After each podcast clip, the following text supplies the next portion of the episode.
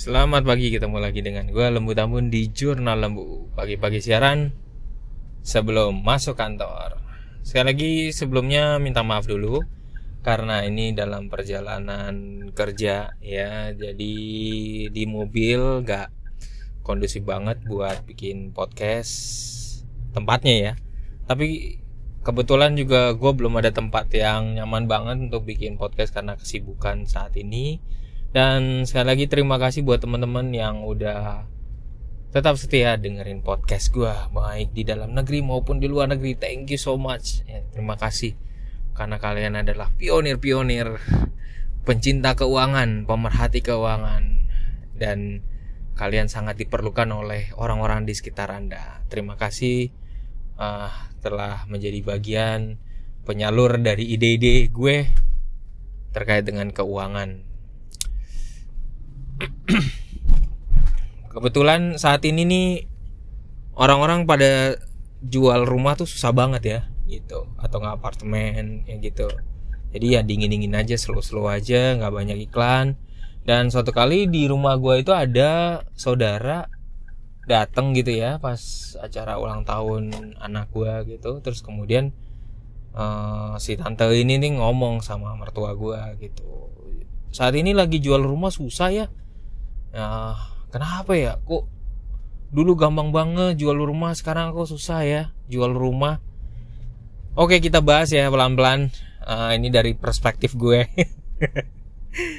Kenapa orang jadi sekarang jadi jual rumah tuh susah gitu?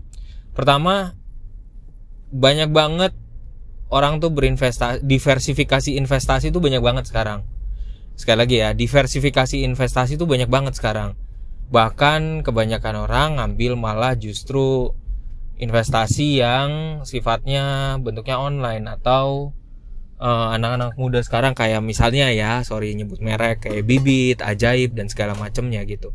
Jadi orang uh, anak-anak muda sekarang lebih suka ke situ satu ya. Dan jangan-jangan rumah bukan menjadi orientasi utama. Kedua, juga jangan-jangan rumah sekarang orang-orang pada kalau beli rumah Abis itu jualnya tuh tinggi-tinggi gitu. Tinggi-tinggi, wah bakal naik, bakal naik, bakal naik. Ya bakal naiknya seberapa? Apakah generasi muda yang generasi Z, generasi yang sekarang tuh bisa ini bisa apa bisa bayarnya gitu kan nggak juga kan gitu jadi uh, jangan-jangan mereka sebenarnya susah juga untuk bayar gitu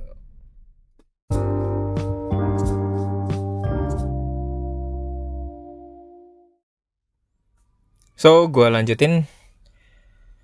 Jadi jangan kaget kalau anak-anak muda sekarang itu jangan-jangan lebih lebih suka untuk bikin apa nyari kos atau nyari rumah-rumah yang murah yang di lu uh, di jauh-jauh ya terus kemudian mereka dengan biaya yang murah dia mereka naik kereta lebih murah terus kemudian jadi mereka uh, pokoknya transportasinya mereka murah jauh nggak apa-apa terus ngekos pilihan ngekos terus uh, lebih baik mereka nyimpan nyimpan uangnya mereka terus uh, dugaan gue juga mereka nggak berpikir untuk beli rumah yang di pusat-pusat kota atau ada orang-orang yang punya ide untuk uh, apa namanya uh, ngejualin rumah ya dari pusat terus kemudian apakah terus kemudian uh, bakal kebeli atau enggak kan pastinya mahal ya gitu. So uh, tips dari gua buat temen-temen. Tips gua ya sekali lagi buat temen-temen. Kalau gua nih dari perspektif gua gua sebagai uh, apa namanya uh, ini disclaimer on dulu ya ini dari sudut pandang gua. Bisa salah lo boleh ngeritik kok gue selalu bisa salah dan lo boleh semua boleh ngeritik. Um, gue lebih cenderung untuk memilih ketika gue punya uang gue uh, saat ini akan selalu melakukan diversifikasi. Jadi gue nggak akan ngabisin uang gue seluruhnya untuk beli rumah. Beli rumah sono beli rumah sini beli rumah sono beli rumah sini.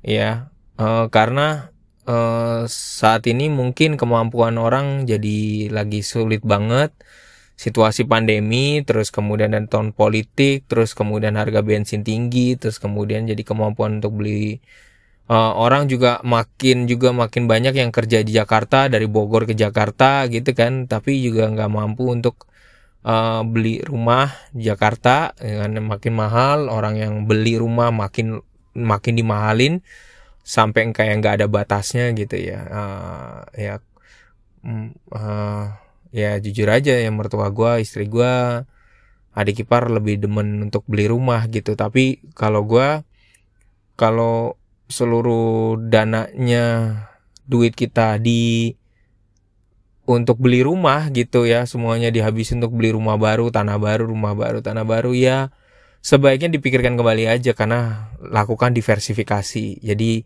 supaya duit itu nggak mandek jadi tanah jadi jadi rumah gitu. Jadi harus di mix bahkan gue sampai kaget sih uh, saat ini gue juga kaget karena mendadak istri gue uh, karena mungkin karena dengar uh, jual rumah itu sulit ya.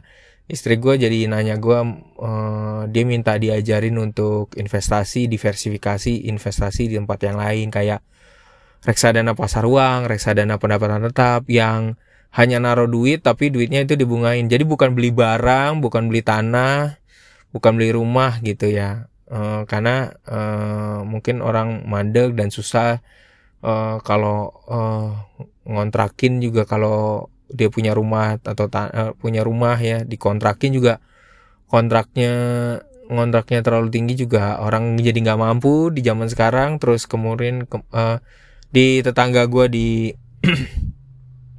dekat rumah juga sebelah rumah juga bilang uh, minta bantuan untuk jualin rumah jualin rumah jualin rumah mereka gitu. Dan itu nggak nggak mudah ya gitu. Kalau nggak cakep tampilannya nggak bagus tampilannya ya nggak bakal uh, ya bakal susah juga gitu.